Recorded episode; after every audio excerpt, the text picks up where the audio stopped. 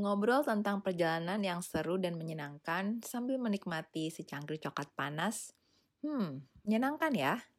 Hi, I'm Medi Marian. Welcome back to my podcast, A Cup of Chocolate.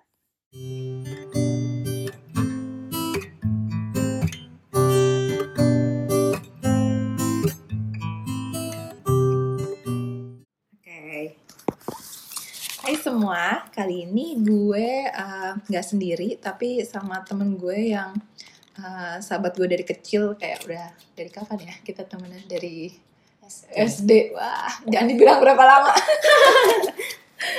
nah, cuma nih uh, gue jarang banget ketemu dia karena dia nggak tinggal di Indonesia, jadi setahun sekali aja udah bagus kayaknya ketemu ya. Betul. Ya, ya. Nah, mungkin temen gue ini memperkenalkan diri sedikit. Halo semuanya, nama saya Ana. Uh, saya tinggal di Berlin Nah, tuh kan dan jauh punya ya. dua, iya, punya dua anak. Uh, saya menikah dengan orang Jerman dan sekarang saya sudah 15 tahun tinggal di Jerman. Nah, bayang dong 15 tahun tinggal di Jerman, mungkin kita ketemu eh, less than five times mungkin ya, setahun 15 tahun itu bisa ya. Sepertinya Iya, juga jarang-jarang. Nah, di eh, episode kali ini, Ana berbaik hati nih mau sharing tentang eh, hal-hal yang mungkin related ke eh, kehidupan tinggal di Jerman, karena tadi udah 15 tahun. Terus juga mungkin eh, infonya bakal bermanfaat buat teman-teman yang mungkin mau tinggal di luar negeri nantinya, atau bahkan spesifik mau tinggalnya di Jerman nih, gitu. Mungkin Ana mau cerita dulu nih, awalnya kok bisa tinggal di Jerman 15 tahun, gimana nih nah ceritanya? Dulu saya kuliah di UI. Lalu setelah lulus, dua tahun kerja di sebuah perusahaan Jerman Hmm. yang cukup besar. Dan namanya dimulai dengan huruf S. Berakhir dengan S. Terakhir dengan S juga. Nah, di perusahaan ini saya disponsori untuk les Jerman juga, les bahasa Jerman. Hmm. Nah, karena saya orangnya suka Belajar. bertualang sebenarnya uh, saya tanya bos saya apakah bisa uh, semacam pertukaran pekerja bukan pelajar ke luar negeri yang masa satu tahun gitu dan ternyata emang ada lowongan di Jerman mereka membutuhkan uh, bantuan di bidang informatik jadilah saya pergi ke sana dengan kontrak setahun lalu diperpanjang setahun lagi saya kerja di kota Nürnberg. Setelah itu saya memutuskan untuk kuliah. Jadi saya juga kuliah 2 tahun di Jerman. Um, dan setelah kuliah saya bekerja di Jerman. Dan nyantol deh sama bule terus menikah dan punya anak lalu sampai sekarang Keterusan deh ya. di situ. Jadi tuh awalnya sebenarnya inisiatif dari lo sendiri ya ke Jerman itu, bukan karena oh ada opening di Jerman gitu, tapi ya inisiatif kita bertanya dan juga berkat dari Tuhan ada kebetulan lowongan di perusahaan. Jadi saya statusnya waktu itu adalah pegawai eh, perusahaan Indonesia yang diperbantukan kan di sana. sana. Oke. Begitu yang kuliah udah lepas nih dari company-nya. Atau Iya, saya lepas dari saya keluar dari perusahaan jadi apply sekolah untuk sendiri. eh, S2 ya. apply sekolah sendiri. Apply sekolah semua saya sendiri. Scholarship? Scholarship juga. Wah.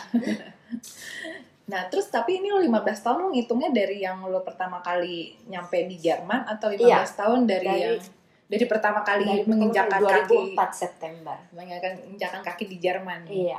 Dan itu waktu itu di kota, aduh gue gak bisa ngomongnya. Nürnberg. Iya. Terus kuliah di kota yang sama. Enggak, waktu itu eh, saya apply beberapa universitas di Jerman dan diterima, tapi saya pilih yang di Hamburg, Hmm. Di Hamburg sekolah 2 tahun. sekolah 2 tahun. Terus langsung nyantol bule tadi apa? Pas kerja dulu. Sebenarnya setelah lulus saya kerja dulu, tapi kan saya kenal dengan sekarang suami saya itu di eh, universitas Oh, oke. waktu s- ya waktu sedang study. Hmm. Jadi kebayang gak sih lo kalau agak flash sih kalau lo tidak waktu itu tidak berinisiatif bertanya, tidak itu di perusahaan itu, di perusahaan yang di sini, uh, apa you never be like now kan ya? Kalau suka ini gak sih kayak kayaknya ya jalan hidupnya pasti Iya. berbeda banget. iya, tuh guys. Jadi inisiatif tuh emang perlu ya di mana-mana. Betul sekali. Iya, maksudnya waktu itu pasti nggak inisiatif nanya juga ya, maksudnya uh, ya you never know ya kan nothing tulus ya kan cuma nanya. Iya, cuma nanya bos, terus kebetulan bosnya memang baik sekali, dia bantu uh, tanyakan ke yang di Jerman. iya ke koleganya di Jerman. Oke.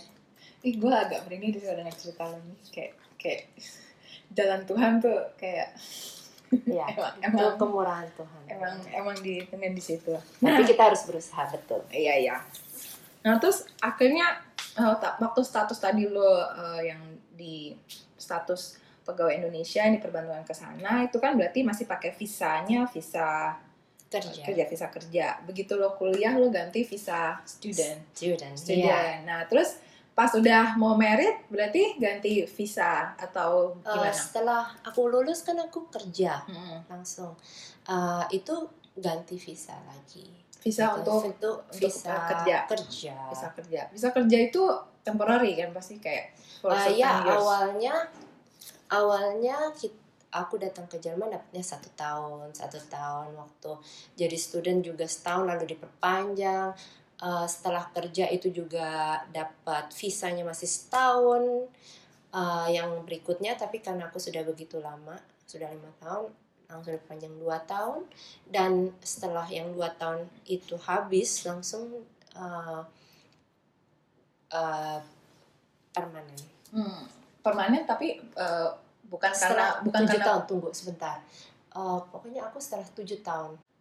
Ya berarti setelah dua dua kali dua tahun aku dapat visa permanen itu tapi nggak ada hubungannya sama mau menikah waktu itu. tidak ada hubungannya dengan eh, status saya menikah dengan orang Jerman jadi eh, it's based on my own merit gitu Oh, berarti ka- kalaupun ternyata nggak menikah pun sebenarnya eh, lu eligible untuk untuk stay di Jerman berarti. iya Oh, sudah akan dap- sudah pasti dapat eh, permanen visa I see. Dan untuk atau izin tinggal tetapnya di sana namanya izin tinggal namanya Aufenthaltsgenehmigung kalau um, sudah dapat yang tetap Aufenthaltstitel Oke. Oke.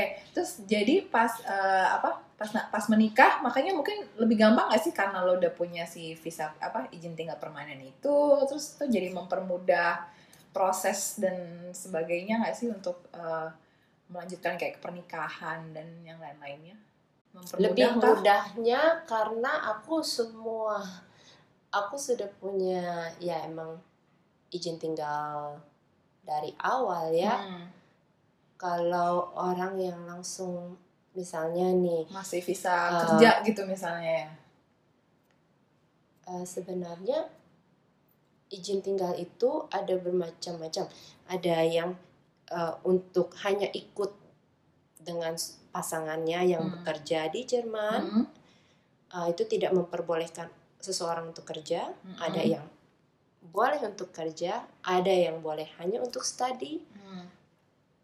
Em, jadi ada berbagai macam jenis Izin izin tinggal.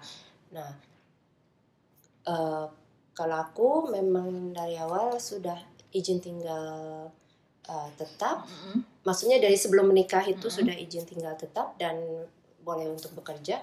Saya rasa itu mempermudah juga, tapi menurut saya kalau eh, emang misalnya ada kasus seperti adik saya Hmm, yang nikah sama nanya. orang Jerman, Nah, padahal dia sebelumnya tidak ada history tinggal di eh, Jerman. ya pengalaman tinggal di sana, dia tetap bisa uh, hanya pengurusan visanya adalah untuk uh, dengan tujuan berkeluarga, Hmm. uh, pemersatuan keluarga. Jadi kalau misalnya uh, dia se maksudnya gini, uh, dia urusnya harus di negara asal. Hmm. Dan kasus adik saya dia terus di Indonesia kan, Hmm. uh, terus baru dengan visanya itu dia pergi ke Jerman. Kalau saya kan memang sudah di sana, Hmm. jadi saya ngurus dokumen dan catatan sipil saya nikah di Jerman. Hmm. Sementara uh, kalau adik saya dia waktu itu memilih uh, menikah di Indonesia, catatan sipil di Indonesia, nanti dokumennya dilaporkan ke sana. Kalau saya sebaliknya, uh, saya nikah dari catatan sipil Jerman Jerman. dilaporkan ke Ke catatan Indonesia. sipil Indonesia gitu. N- Nggak nggak bisa dibilang lebih susah juga sih, hanya harus kalau ke sana tujuannya itu jelas dan dilengkapi dengan semua persyaratan yang wah, di sudah ditentukan oleh pemerintah Jerman. Contoh persyaratannya ada yang ribet nggak sih? Atau in general? Hmm, Misalnya kayak uh, akte lahir, terus kayak apa ya, yang umum-umum gitu. Ya yang umum-umum aja ada kok. surat keterangan apa ya kalau di Indonesia tuh uh, kelakuan baik gitu mungkin something like that. Um, surat kelakuan baik? Atau saya atau, atau ya cuma atau cuma kayak akte lahir paspor Iya, itu cukup. paspor. Terus udah gitu eh lebih ke eh, health insurance Oh, oke. eh, untuk apply visa. Hmm, itu apply health, health insurance di sana berarti? Atau apply health insurance bisa dari sini? Dari sini juga bisa. Hmm. yang penting untuk kelengkapan dokumennya aja bukti kalau kita punya health insurance gitu ya? Betul. Oh, see.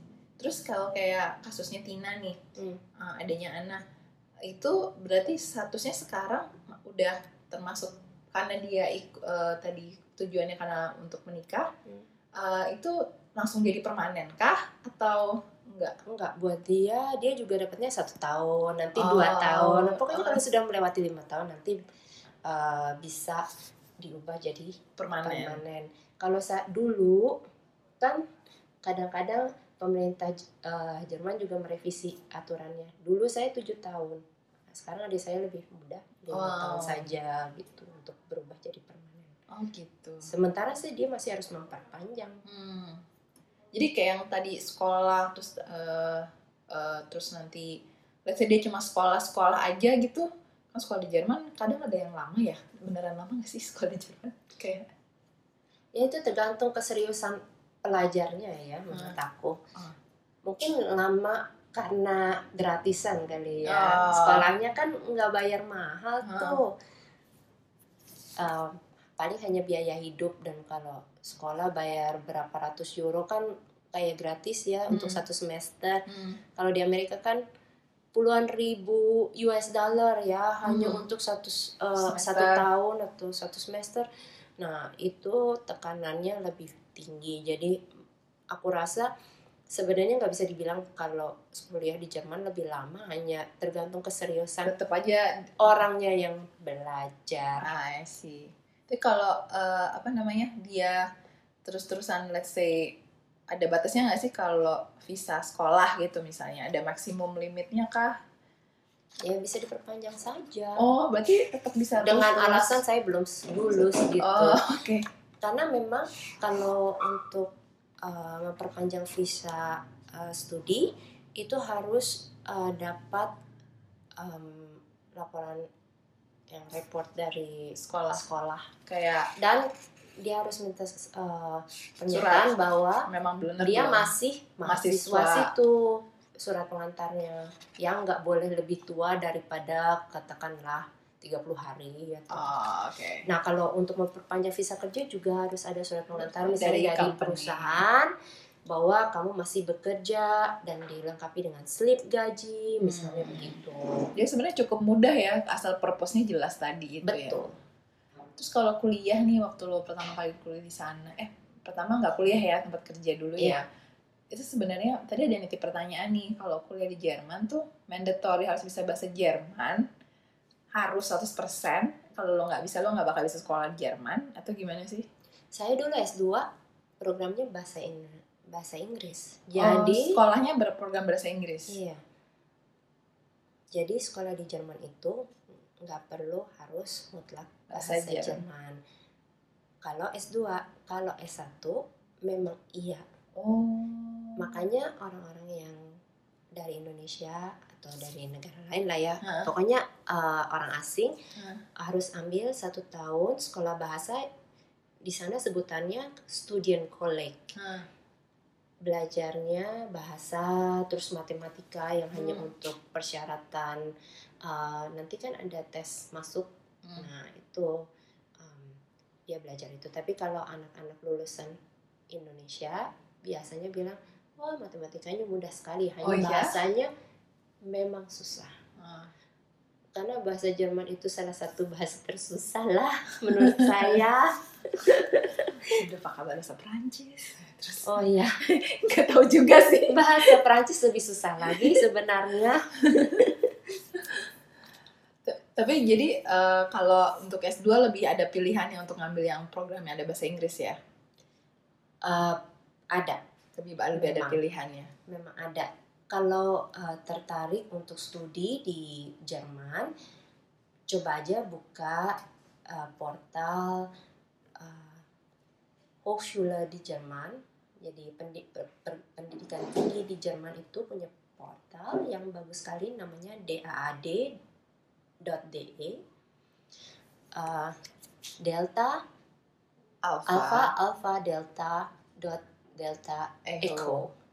Um, semua informasi tentang uh, universitas yang menyediakan berbagai program studi dan jenjang studi yang mana dan bahasanya apa, persyaratannya apa, semua lengkap banget di situ. Jadi dicatat aja DAAD.de. DE.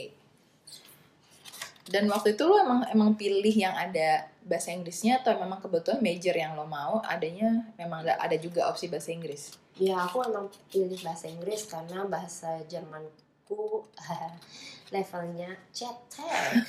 At that time. Iya, begitulah. Nah, terus akhirnya udah udah menikah, terus eh, udah sampai 15 tahun. So far apa sih adaptasi terbesar yang pernah Ana alami selama tinggal di Jerman yang effort banget nih untuk adaptasi tinggal di Jerman? Selain Itu eh, kalau- bahasa mungkin eh, during the first years kali ya. Atau Wah, saya belajar bahasa itu empat tahun kali. Sampai sekarang juga masih jelek bahasanya. Ah, kalau menurut saya adaptasi nomor satu adalah sebelum datang ke Jerman mesti belajar bahasa Jerman. Sudah belajar di Gute satu tahun pun saya sampai sana sebulan pertama nggak bisa ngomong sama sekali. Oh. Jadi bicaranya tuh semua pakai bahasa Inggris. Hanya setelah melewati setahun pertama saya merasa lebih nyaman pakai bahasa Jerman. tapi waktu ngomong bahasa Inggris hmm, mereka respon Iya, atau respon. Karena atau- saya waktu itu lingkungannya kan kantor ya, eh, Oh, dan di iya. kantor eh, Jerman ini kan internasional. Hmm, Jadi eh, kebanyakan pegawainya ya memang bisa berbahasa Inggris. multinational Iya. Tapi, kalau misalnya ke toko Ah. atau nanya jalan gitu harus pakai bahasa Jerman. Hmm. ya. Menurut saya kalau di Jerman harus bisa bahasa Jerman. Lalu belajar kulturnya juga. ada ya kultur yang sangat eh, maksudnya mungkin bisa bikin orang kaget gitu kalau pertama kali tinggal di Jerman ah, kaget ya itulah me- tentang sosial kehidupan sosialnya. Jadi kalau saya waktu dulu kan eh, langsung pertama kali datang langsung kerja Hah? di kantor kayak akrab banget tapi kalau pulang kerja ya udah hilang nggak ada kontak sama sekali atau weekend jadi sering kesepian Hah. Em, cari teman itu susah. Jadi teman saya waktu dulu pertama kali adalah teman-teman les bahasa Jerman. Jadi sesama orang asing saja. Karena kalau masuk ke kehidupan sosialnya orang Jerman mereka itu harus lewat uh, klub sesuatu. Misalnya yang cowok-cowok harus lewat sepak bola Oke. atau um, kalau yang cewek apa ya aku nggak tahu lah. Pokoknya entah kamu untuk masuk ke uh, ke pertemanan dengan orang Jerman itu harus um, lewat proses yang lama sekali. Nggak bisa cuma oh ketemu kayaknya orangnya asik ngobrol uh, terus langsung kamu diundang ke rumahnya itu macam orang Indonesia enggak kalau itu di Amerika iya mungkin. Um, tapi pengalaman saya di Jerman nggak sama sekali seperti itu. Jadi entah kamu kenal seseorang yang sudah uh, jadi jadi kamu punya teman dia keluarganya orang Jerman nah kamu bisa dibawa ke situ atau uh, lewat klub itu. Kalau enggak sih susah ya mulai berteman sama orang Jerman. Karena mereka um, circle of friendshipnya itu kecil banget. Jadi kalau kamu tanya orang Jerman uh, punya teman berapa paling jawabannya kurang dari lima gitu. Oke. Berarti kalau orang Jerman punya itu Instagram, punya Instagram gitu, teman-temannya cuma yang dia uh, jadi di Jerman istilah uh, kalau kita bilang teman itu bekante kenalan istilahnya. Dan kalau uh, teman dalam bahasa Jerman Freund atau Freundin itu adalah sahabat. Oh, jadi yang kita tahu friendnya Jerman tuh sahabat banget. iya. Dan dia bilang kalau orang Indonesia ini teman saya teman kantor teman sekolah uh, teman di tetangga itu juga teman saya kalau di sini uh, kalau di Jerman hanya sebut bekante kenalan Oke. nggak lebih dari itu jadi itu itu mereka kenalan gue tapi Hmm. bukan temen gue. Iya. gitu. Dan yang lo bilang temen itu yang tadi bisa less than five tadi. Iya. anakku juga bahkan anak-anak kecil juga begitu anak kecil tuh kalau anakku ditanya kamu temenan sama ini ah yang ratus enggak hanya di sekolah aja Tapi jadi temannya paling satu dua gitu oh, dia bilang dia temennya cuma dua padahal di sekolah main juga dengan anak lain Oke, tapi itu tadi cuma yang kenalan Iya. tadi itu. Maksudnya dia mengakui itu sebagai kenalan, tapi Iya. it's not it's not a friend. Iya. Nah, Padahal kita di sini kayak semua teman ya. Iya. Kesediaan untuk men- m- merangkul orang lain itu lebih rendah lah. Nah, terus tapi kan sorry nih tadi gue udah pernah nanya lo sebelumnya, tapi but you have uh, apa husband yang orang asli Jerman kan gitu. Itu juga tidak membantu pertemanan pertemanan lo jadi lebih mudah masuk ke circle orang Jerman kah? Kalau dari kacamata gue harusnya lebih mudah ya harusnya, I don't know. Kalau suamiku kebanyakan kan pasti pasti temannya cowok-cowok lah ya. Nah, Eh, ya mereka kalau ketemu ya antar mereka aja, cowok-cowoknya aja. tanpa Jadi- bawa spouse dan Mm-mm. yang lainnya. Dan kalaupun bawa pasangan, kita belum tentu langsung nyambung. Oh, oke. Jadi nggak langs nggak langsung juga. Apalagi pasangannya kan mostly mungkin orang Jerman yang tadi Iya, yang betul. tadi Dan saya tadi. orang asing yang bahasa Jermannya juga terbatas gitu. Baru 15 tahun ya guys. Jadinya apa? Nggak menjamin ya berarti, nggak menjamin Enggak juga. karena apa? eh, lo married sama orang Jerman dan jadi lo teman-temannya gampang punya teman orang Jerman. Karena Enggak. si orang Jerman sendiri culture-nya udah memang dia ya me- melimitasi diri mereka juga ya Iya. untuk, untuk pertemanan. Tapi kalau eh, masuk ke keluarga suami saya tentu saja Eh, itu different kan karena Iya. keluarga. itu pasti mereka eh, Very welcome. welcome ke kita.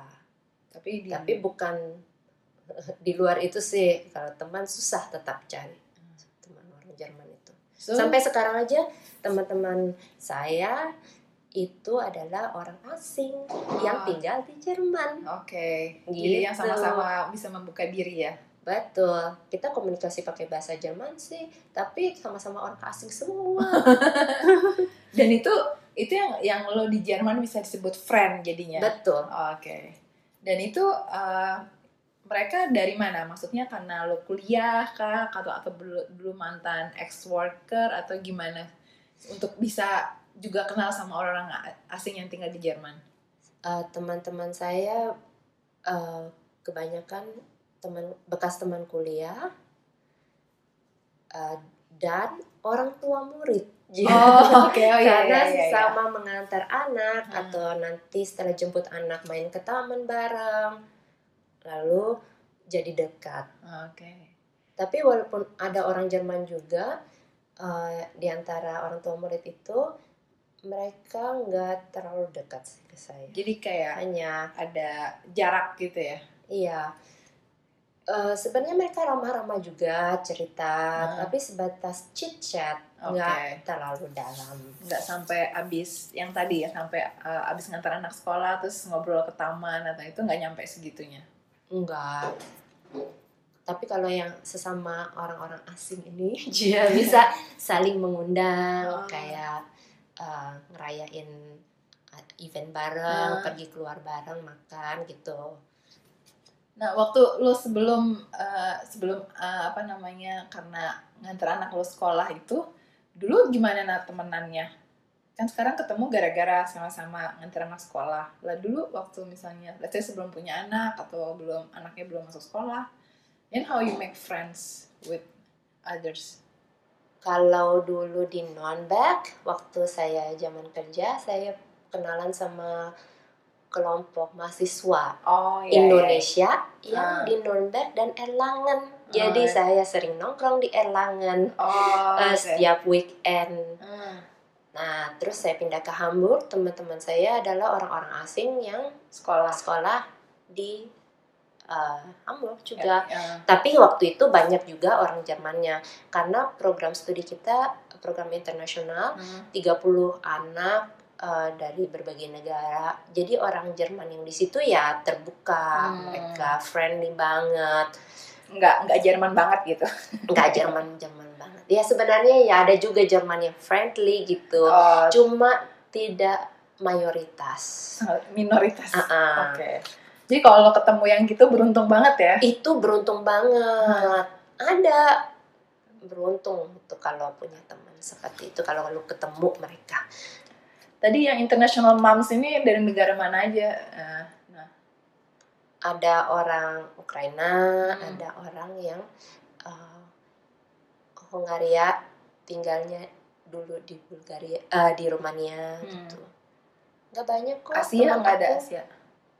Ada anak Indonesia, temanku juga. Oh, wah, senang ya orang Indonesia. malah ketemu teman uh, SD juga. Oh, iya, iya, iya. Teman baik kita. Tapi udah pindah juga ya. Iya. Eh, tapi yang tapi selain itu nggak ada lagi yang Asia. Either hmm, Chinese. Soalnya aku nggak ikut les lagi kan ya, sudah. Masa, Bosan masa masih ikut les lagi? Iya jadi eh, nggak ada tempat ketemunya, susah juga. Dan aku kan eh, kerja dari rumah, home Nah, office, nah, jadi tidak ketemu dengan terlalu banyak orang. jadi tinggal nanti ya apalagi kan udah ada anak-anak ya. Iya. Oke. Nah terus nih lo udah punya anak-anak, terus kalau kita di sana tuh sampai amit-amit sakit, terus atau anak sakit, itu gimana? Atau kemarin waktu lo melahirkan tuh gimana tuh nah kalau tinggal di sana? Nah, eh, pertama kalau melahirkan itu saya selalu mengundang mama Hmm. atau mama dan papa kan dua kali ya Iya. saya melahirkan. Yang kalau enggak saya susah dapat eh, dukungan dari orang lain Hmm. karena uh, kan cuma ada suami suami mungkin juga harus kerja atau Hmm. ambil cuti maksimum tiga minggu padahal proses pemulihan setelah kelahiran kan lebih lama dari tiga minggu harusnya 40 hari Hmm. nah tergantung orang juga ya ada orang yang langsung sehat setelah Hmm. melahirkan Hmm. ada yang lama kayak gue Hmm. kalau makanya gue selalu minta tolong orang tua Hmm. datang paling nggak ngurusin anak ma- makan Hmm. segala macam kalau enggak kan gimana caranya mau masak kalau beli luar terus kan kurang sehat juga Hmm, ya hmm. boros juga boros juga dan kalau ini sekarang ngomongin sakit Hmm. normal ya kalau kita cuma sakit biasa ya harus memaksakan diri semuanya harus bisa dikerjakan sendiri Hmm. Um, tapi kalau amit-amitnya misalnya kita sampai masuk rumah sakit Hmm. hmm, kalau ada suami sih harusnya dihandle oleh suami Hmm. Um, atau ada uh, orang lain lah di rumah itu. Hmm. Jadi pemerintah Jerman itu sistemnya kalau masih ada uh, orang keluarga yang hidup dalam rumah yang sama harus diurus oleh orang itu. Hmm. Misalnya ada anak, oh ya berarti pasangannya harus jemput. Kalau misalnya nggak punya pasangan ya kayak single parent gitu, Hmm. mungkin dari oma atau opanya harus bantu. Hmm. Tapi kalau amit-amit nggak punya juga, Hmm. dia ada yang namanya uh, Pflegeversicherung. Jadi uh, asuransi untuk caregiver gitu. Hmm. Um, nanti dipanggilkan suster um, untuk bantu kehidupan sehari-harinya, tapi itu semua dibayar oleh asuransi Hmm. karena kita selama kerja itu pemotongannya luar biasa besar kayak bangsa dari 40 di atas 40 persen dan salah satunya itu harus bayar asuransi caregiver itu Hmm. ya butuh amit nggak amit butuh nggak butuh nggak butuh lu mesti bayar em, supaya kalau sampai terjadi sesuatu tetap ada yang mengurus Oh, oke pemerintah Jerman tuh maunya nggak ada sebenarnya maunya nggak ada gelandangan nggak ada Nah. orang yang sakit terlunta-lunta Ah, sampai nggak ada yang ngurusin Ah, gitu. makanya kalau masuk ke negara Jerman harus atau Uni Eropa harus punya asuransi kesehatan walaupun sebagai turis Nah, asuransi kesehatan ini kalau buat lo yang udah permanen itu eh, berarti kan nggak permanen aja wajib ya, apalagi yang Hmm. permanen kan. Nah, itu mengcover berapa mengcover apa aja dan kalau boleh tahu Semua. spendingnya berapa sih untuk eh, biaya untuk punya insurance? Eh, semuanya itu relatif jadi asuransi kesehatan bisa juga eh, rendah atau tinggi tergantung dari em, pendapatan Tapi itu kalau lo rawat Kalau- jalan juga termasuk, jadi udah nggak perlu Iya. bayar-bayar lagi. semua kalau masalah kesehatan kayak melahirkan masuk rumah sakit ke dokter cuma anak ngecek kesehatan anak Hmm. itu juga semua gratis gigi gratis semua Udah nggak perlu bayar-bayar lagi. nggak perlu bayar lagi Jadi- tapi bayarnya kalau nggak salah sekitar 9,x persen ya dari eh pendapatan. 7 kalau kalau asuransi kesehatan 7,3 persen nih aku lihat Eh, nanti employer kita juga bayar sama 7,3 persen Hmm. Nah, kalau yang self worker gimana? Nah, itu kan kalau yang di Nah, company. kalau yang self employed kebanyakan mereka ambil private insurance karena preminya tergantung umur mereka, kesehatan mereka Hmm, sendiri. oh, oke, Beda-beda kayak di Iya, Indonesia asuransi. aja ya, Oh. oh, jadi yang tadi lo bilang itu asuransi dari pemerintah. publik. Oh. Jadi uh, itu harus untuk student itu pasti pakai asuransi publik. Hmm. Tapi kalau misalnya sudah kerja tergantung. Kalau uh, pendapatannya di atas 60.000 ribu uh, euro per tahun, tapi kotor ya, itu boleh pilih apakah dia mau tetap di asuransi publik atau asuransi kesehatan privat. Hmm. Kalau asuransi kesehatan privat, ya nanti dicek kayak di Hmm. Indonesia aja Mesti faktornya check ngerokok dulu. atau enggak, umur berapa, Oke. eh, dari eh, riwayat kesehatan eh, itu apakah ada penyakit-penyakit yang memberatkan premi atau malah meringankan nggak tahu deh. Tapi dari dari si mau dari public uh, insurance atau private insurance nanti pada saat penggunaannya itu sama. Ya gratis semua. Udah udah all in semua. Cuma bedanya yang satu lewat public, satu lewat uh, kalau kayak yang public kan langsung tadi sekian X persen dari income gitu ya. Ya, Tapi kalau yang private kan dari kondisi gitu. Tapi iya. aplikasinya sama tuh udah mau melahirkan mau apa udah nggak perlu bayar-bayar lagi. Iya. Dan biasanya kalau yang pri- private eh, layanannya lebih baik. Oh. karena mereka bayarnya lebih besar. Oh, jadi ada dibedain juga ya? Iya, misalnya kalau pakai private insurance kita um, minta janjian nih ke dokter um, mata, Hmm. um, dia bisa cepet banget. Oh dua hari Oh. lagi, tiga hari lagi dapat. Kalau pakai public, ntar satu bulan ya, gitu. Eh tadi 7% itu per annum, maksudnya per year, setahun. Uh, Per- atau setiap bulan? Setiap bulan dipotong. Mm-mm, Oke. dari gaji. Nah. Amit-amit nih, misalnya nanti lu udah gak kerja lagi gitu. Berarti lu harus switch ke private berarti. enggak, di tetap dibayar, eh, tetap ditanggung oleh uh, insurance itu public insurance. Kalau private ya mau nggak mau harus tetap bayar sendiri kan Iya, ya, iya. nggak peduli kan kalau Iya. dia mau kamu uh, unemployed ya kamu tetap harus bayar. Nah, kalau Tapi si... kalau public, Heeh. um, kamu akan tetap ditanggung dia. walaupun walaupun, walaupun kita nggak punya pendapatan nah itu dia dan juga kalau kamu nggak punya pekerjaan di sana ada Arbeitslosversicherung jadi kamu bayar juga jadi kalau kamu kerja uh, sebagai karyawan kamu juga bayar Arbeitslosversicherung yang jumlahnya 1,5% dari gaji Oh, gitu. di employer kita juga bayar 1,5 persen jadi sebenarnya 3 persen itu totalnya uh, dari gross uh, gaji kita uh, dibayarkan untuk uh, asuransi unemployed tidak punya pekerjaan Oh. Nanti setelah kamu nggak punya pekerjaan kamu akan dapat 60% dari gaji lama kamu neto ya Hah? Hmm, untuk menyambung kehidupan kamu selama Bu- bulanan. 12 bulan. Oh. Jadi supaya orang kalau oh, sudah jatuh jangan sampai tertimpa tangga lah gitu. Kira-kira bisa tetap bayar apartemen, bisa Hmm. tetap makan sambil mencari pekerjaan berikutnya Oke. gitu. Nah, kalau karena faktor umur misalnya, terus jadinya udah udah ya udah nggak usah nyari kerjaan lagi misalnya gitu. Lansia-lansia di sana deh gitu. Itu mereka berarti hitungannya private. Kalau punya insurance. Kalau tergantung sebelumnya dia di kalau di private ya dia akan tetap di Terus private. bayar. Tapi kalau dia udah pernah Kalau public, dia, dia, udah di public ya tetap yang- aja public. Dari yang oh tetap terus. Tapi kan dia udah nggak berpenghasilan tuh.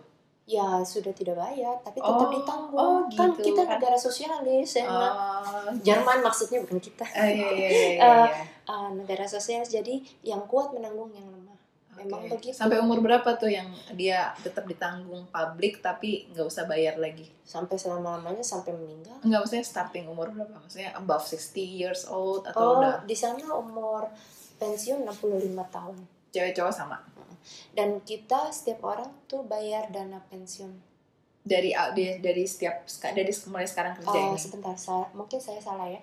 Kalau uh, jadi kalau uh, saya uh, revisi sedikit. Kalau uh, student dia harus bayar berapa ratus gitu, nggak terlalu mahal. Um, tapi tetap harus bayar, cuma dia minimum banget deh, kayak Oke. 200 atau 300. Tapi atau mungkin kebanyakan 300. Di bawah 200 lah. Uh, tapi tetap harus bayar dan untuk orang yang tua mungkin juga harus bayar Tapi Cuma jumlahnya jumlahnya minimum banget deh nggak mungkin menutup untuk uh, full pengeluaran facial. medisnya dia sebenarnya Tapi ada yang dia tetap harus setor bayar gitu ya. nanti kalau udah pensiun setiap orang dapat uh, uang pensiun Hmm. Uang pensiunnya itu adalah tabungan orang ini sem- Selama dia- selama Dia kerja. selama dia kerja. Tapi karena uh, kalau jadi kalau uh, di Jerman tuh kan dulu ingat perang dunia dua kan Hmm. waktu itu kan hancur-hancuran jadi orang yang uh, bekerja saat itu membayar pensiun generasi sebelumnya dan sampai sekarang sampai sekarang ya terus berlanjut seperti itu. Jadi kalau saya kerja saya bayar uh, dana pensiun sebenarnya bukan saya yang akan menikmati dana pensiun itu secara langsung loh ya Hmm. uangnya dipakai untuk satu generasi yang lebih tua. Tapi nanti Tapi when- nanti when you saya there, pensiun, ya saya dibayarin oleh generasi pasti yang di bawah muda. di bawah kita. Ya begitu. Harapannya sih berlanjut terus, tapi nggak tahu ya kalau misalnya karena pengaruh inflasi atau bagaimana. Jadi jumlahnya menurun. Nah pasti jumlahnya akan menurun.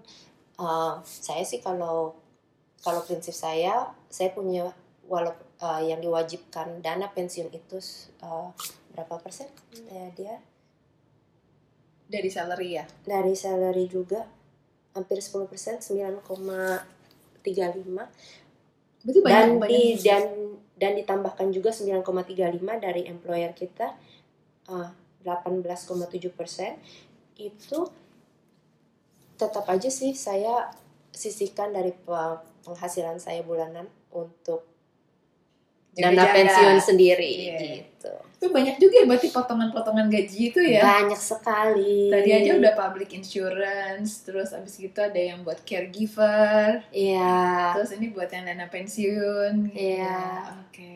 Jadi netnya itu dari dari total gaji itu misalnya ya, I don't know, let's put some number misalnya misalnya berapa?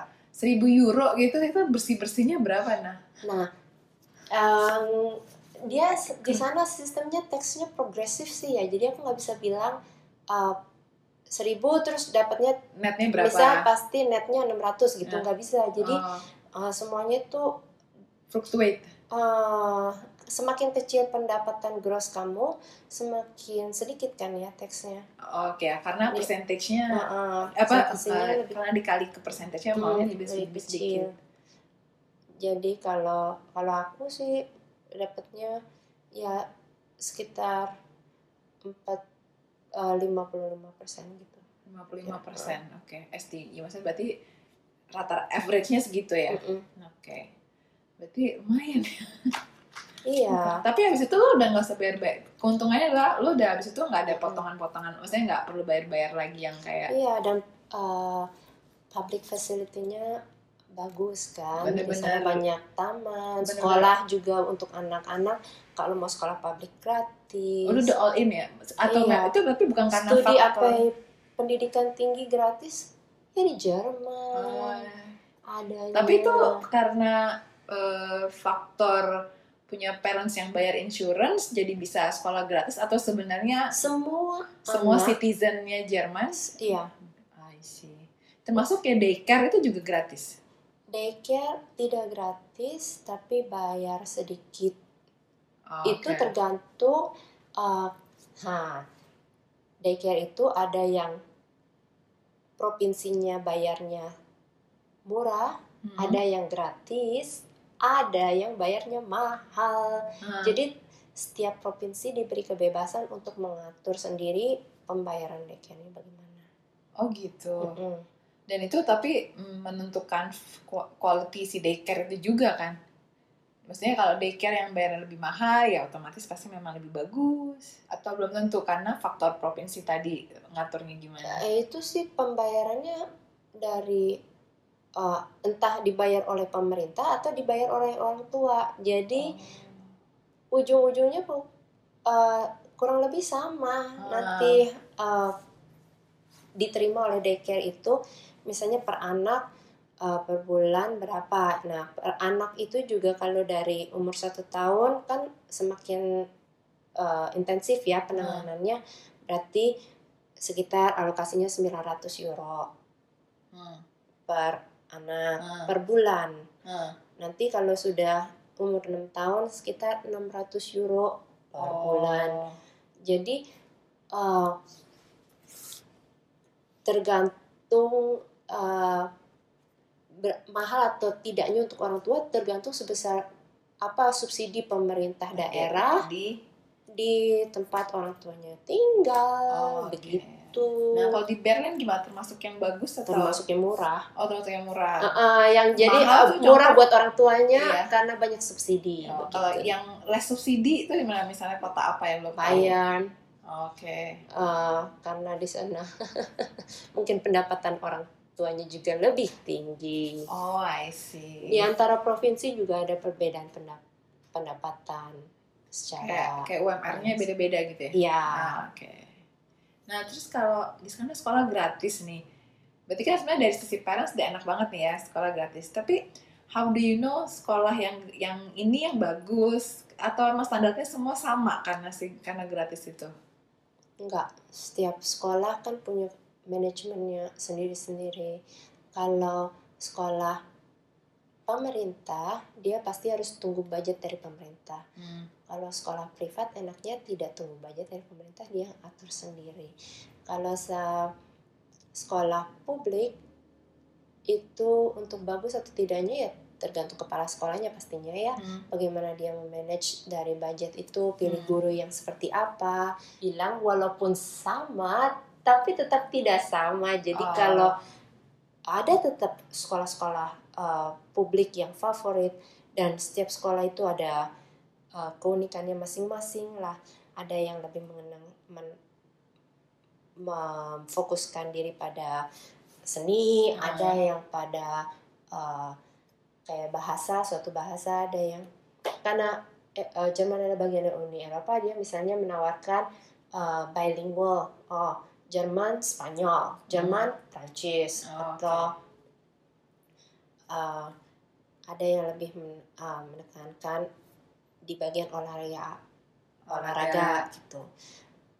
Jadi uh, di bagian publik pun bisa tetap pilih, hanya uh, lebih di uh, oleh pemerintah lebih disarankan di area tempat tinggal. Jadi sekolah publik yang paling mudah dimasuki adalah sekolah publik paling dekat di dek- uh, di rumah dengan Makanya, rumah maksudnya. makanya lo pindah itu ya. Um, aku pindah ke daerah lain uh, untuk mendapatkan sekolah privat sebenarnya. Oh. Ya, ini sekarang kita ngomongin sekolah privat, tentu saja beda ya. Heeh. Dari ada yang bayarannya 200 per bulan, ada yang bayarannya 1000 per Hmm. bulan atau lebih. Heeh. Nah, anakku masuk sekolah uh, Montessori, Hmm. uh, Freie Montessori Oh. Berlin. Dia itu Primary Uh, nih, ini primary private, primary. primary.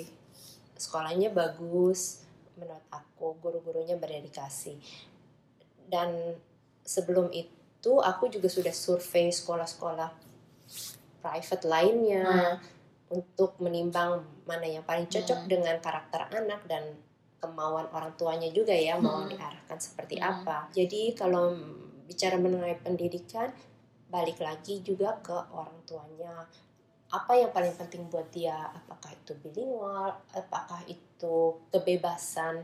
Dalam pengajaran kalau Montessori kan yang saya suka dia memang uh, di dalam satu kelas setiap anak mengerjakan aktivitas yang berbeda karena dia berdasarkan prinsip setiap anak itu unik Oh, I see. uh, punya minat yang belajar yang berbeda dan anak itu hanya bisa belajar dengan efektif dan efisien kalau dia suka Hmm. dengan apa yang dipelajari. Jadi setiap anak mengerjakan hal-hal sendiri Sesuai sesuai anaknya. anak-anaknya. Itu kembali ke orang tuanya. Apa yang mau dia cari? Kalau orang tuanya mau yang sekolah gratis ya publik gitu. Tapi publik tuh juga bagus nggak sih menurut lo di sana sebenarnya? Bagus. Sebenarnya jadi let's say uh, misalnya we cannot afford untuk yang private gitu.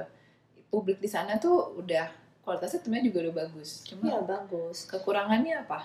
um, ya itu dia kalau dia sedang karena budgetnya tergantung pemerintah kadang dia punya guru tetap misalnya sakit nah Hmm. dia kan nggak bisa hire guru baru Oke. karena dia budgetnya terbatas sementara kalau privat kan um, bisa Hmm.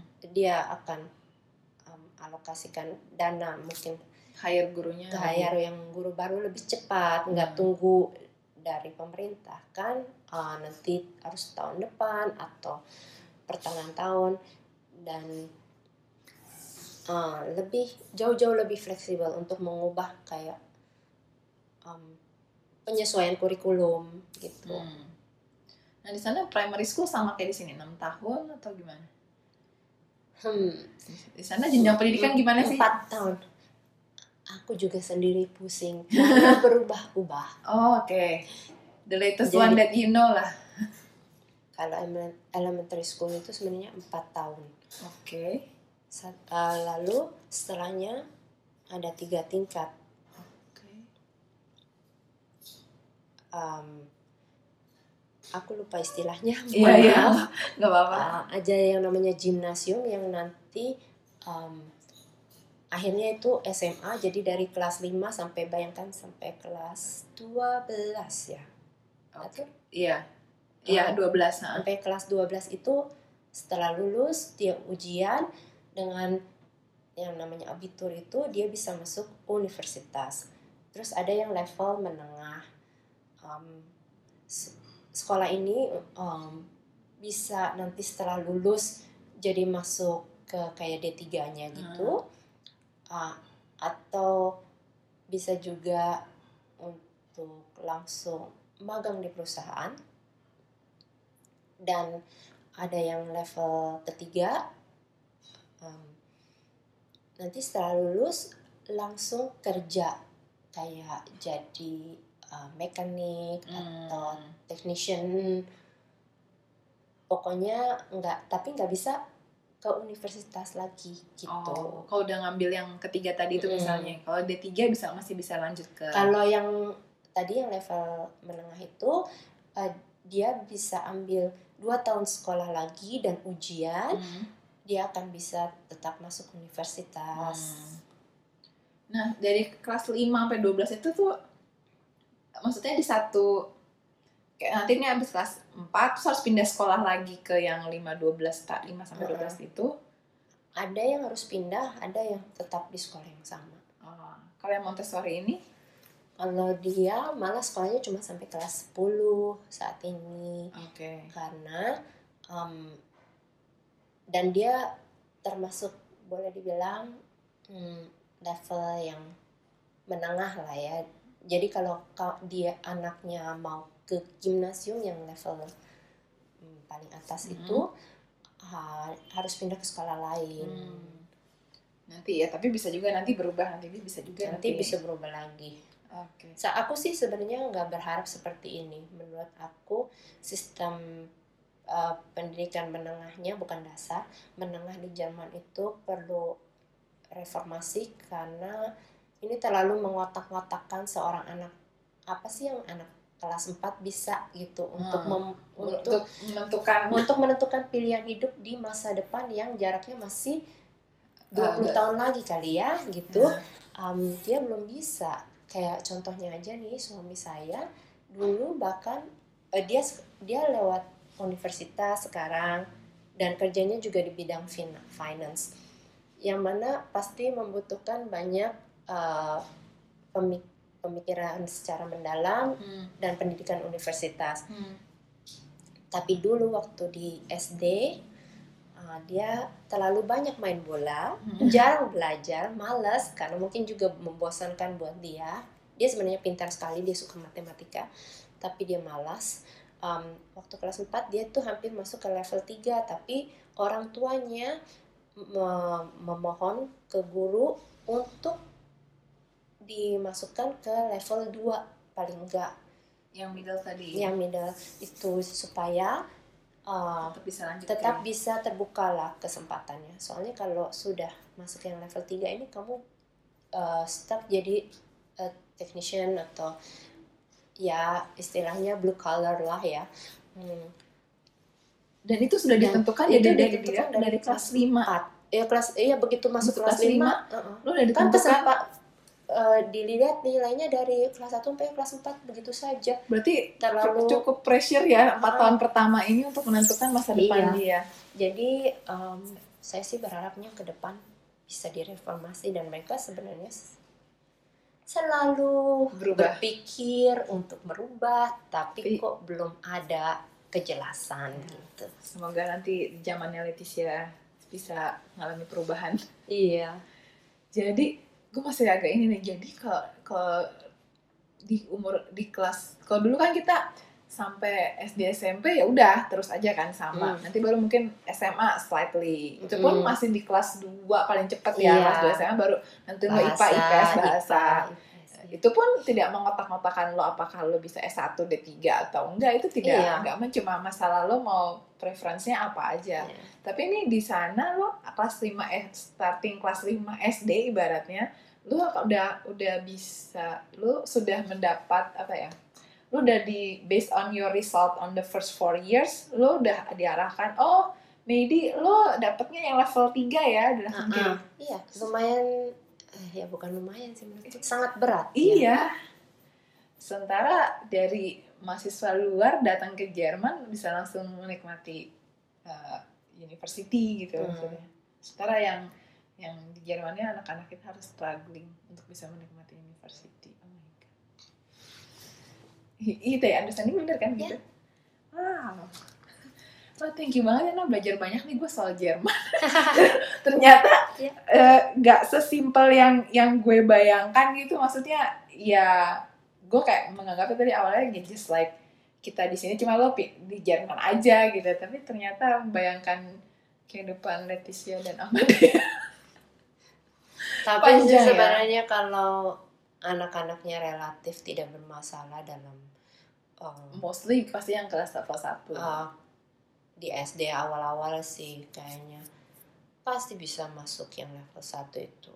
ya, suppose sih pasti level 1 itu lebih dominan sih. Ya lebih banyak, jauh Chance- lebih banyak. lebih banyak. Dan uh, yang level 3 ini semakin sedikit lah ya. itu pun mesti pasti kondisi yang sangat-sangat hmm, uh, ya ekstrim kali ya maksudnya kalaupun drop banget tapi harusnya paling nggak ke middle lah ya Iya, at least kan kalau di middle masih ada chances untuk karena lo di karena middle tuh sebenarnya lebih luas kok kalau gue tadi dengar penjelasan lo ya Iya. karena dia uh, tetap ada opportunity ke university tapi gue tetap bisa dapat pengalaman kerja iya, Iya kan lebih sementara yang level 1 ya ya udah pasti lo university iya memang. Kalau masuk gimnasius atau yang level 1 itu pasti tujuannya masuk universitas. dan lo baru bisa ker- apply kerja setelah lo lulus kuliah. Betul. Sementara yang tadi kalau masuk D3 kan lo sekolah kayak dua tahun misalnya Heeh. abis lulus SMA-nya itu Mm-mm. terus lo bisa either internship atau apa lo udah bisa masuk Iya. ke dunia nyatanya lebih cepat gitu ya. Iya. Oh, thank you banget ya Nah waktu atas waktunya sharingnya. Semoga berguna. Oh pasti banget nih, gue aja, gue aja dari tadi gue sebenarnya dengerin tuh kayak amazed gitu loh, kayak gitu ya. gitu.